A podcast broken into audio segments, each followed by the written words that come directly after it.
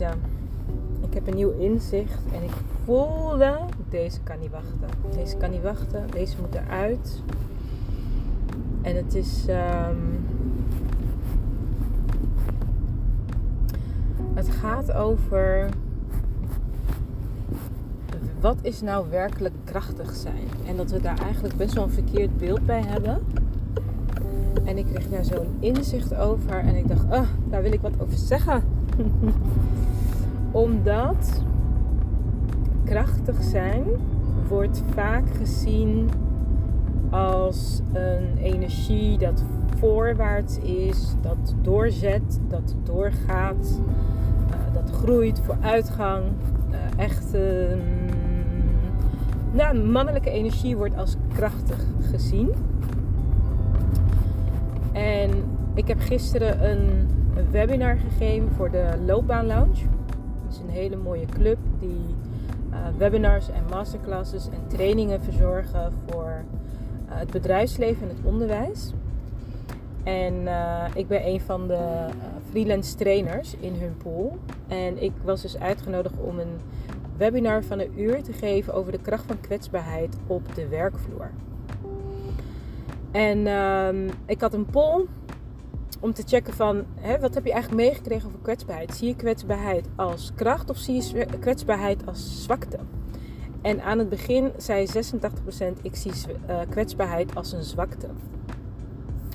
Waarbij ik dus uh, mijn visie en mijn verhaal heb gedeeld over hoe kwetsbaarheid juist krachtig is. En vooral kwetsbaar durven zijn vraagt juist moed en kracht. En we zijn dus eigenlijk met z'n allen helemaal niet zo krachtig als we continu maar die kwetsbaarheid vermijden. Zacht zijn en teder zijn en, en zijn met wat er echt is. En soms is dat pijn.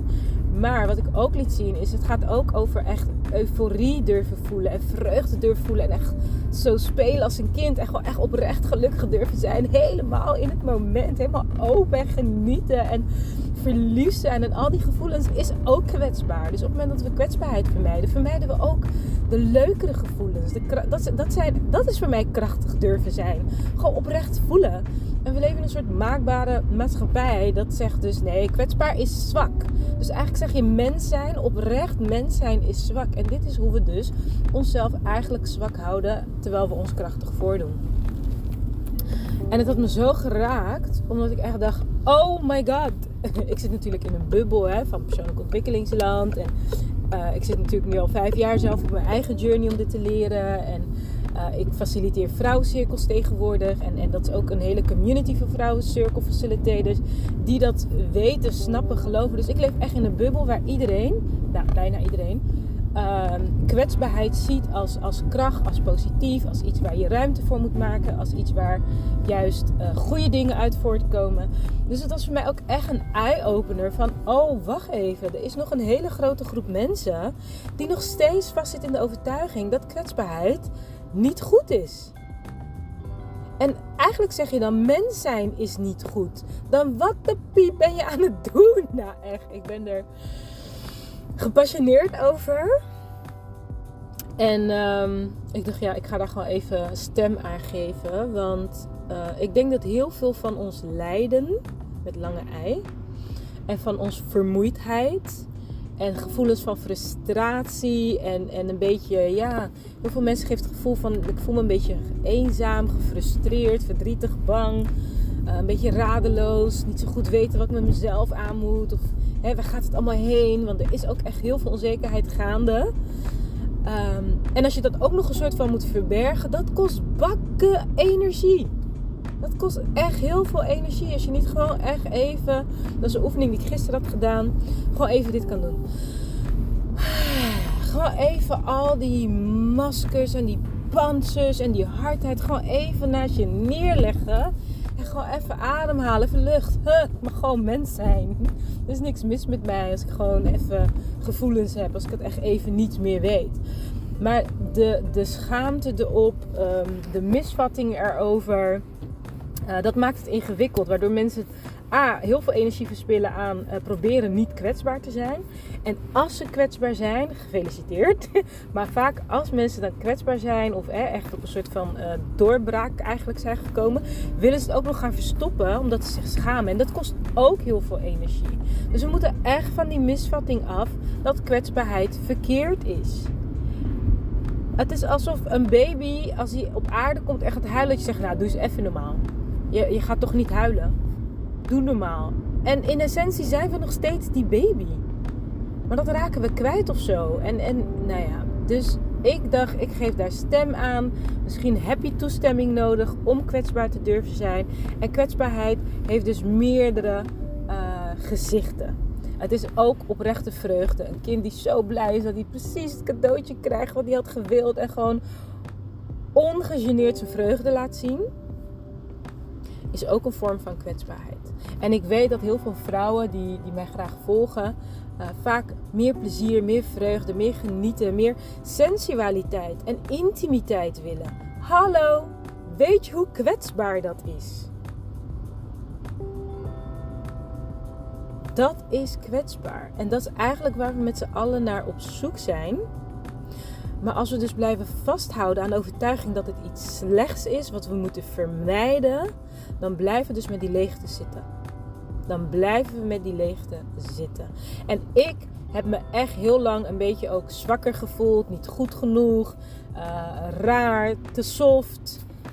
Um, omdat ik dus wel heel erg kwetsbaar ben en durf te zijn. En eigenlijk ook die ruimte wil creëren.